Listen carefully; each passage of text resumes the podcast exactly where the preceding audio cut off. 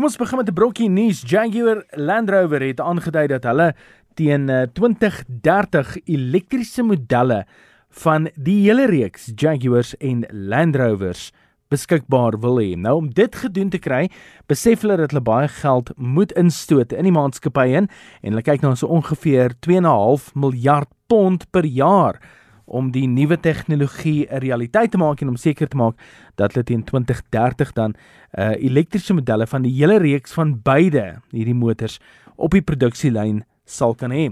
Nou, as gevolg daarvan gaan hulle meer kapasiteit nodig hê. En hulle sê dis een van die groot redes hoekom die Britse vervaardigingsfabrieke van hierdie twee motors nie bekommerd hoef te wees dat uh, tegnologie 'n rol gaan speel in mense wat dalk hulle werke gaan verloor nie. Hulle sê al drie die Britse fabrieke gaan oop bly vir die volgende dekade want daar gaan grootliks gefokus word om die hele reeks oor te skakel na elektriese modelle toe.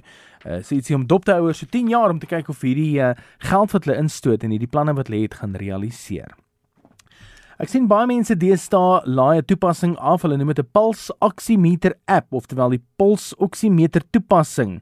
Nou hy meet die bloedsuurstof vlak. Nou navorsers sê egter die akkuraatheid van die toepassing alleen skiet kort. Jy kan nie eenvoudig jou vinger op jou slimfoon se skerm plaas en sien daar jy kry jou suurstofvlakke in jou bloed nie.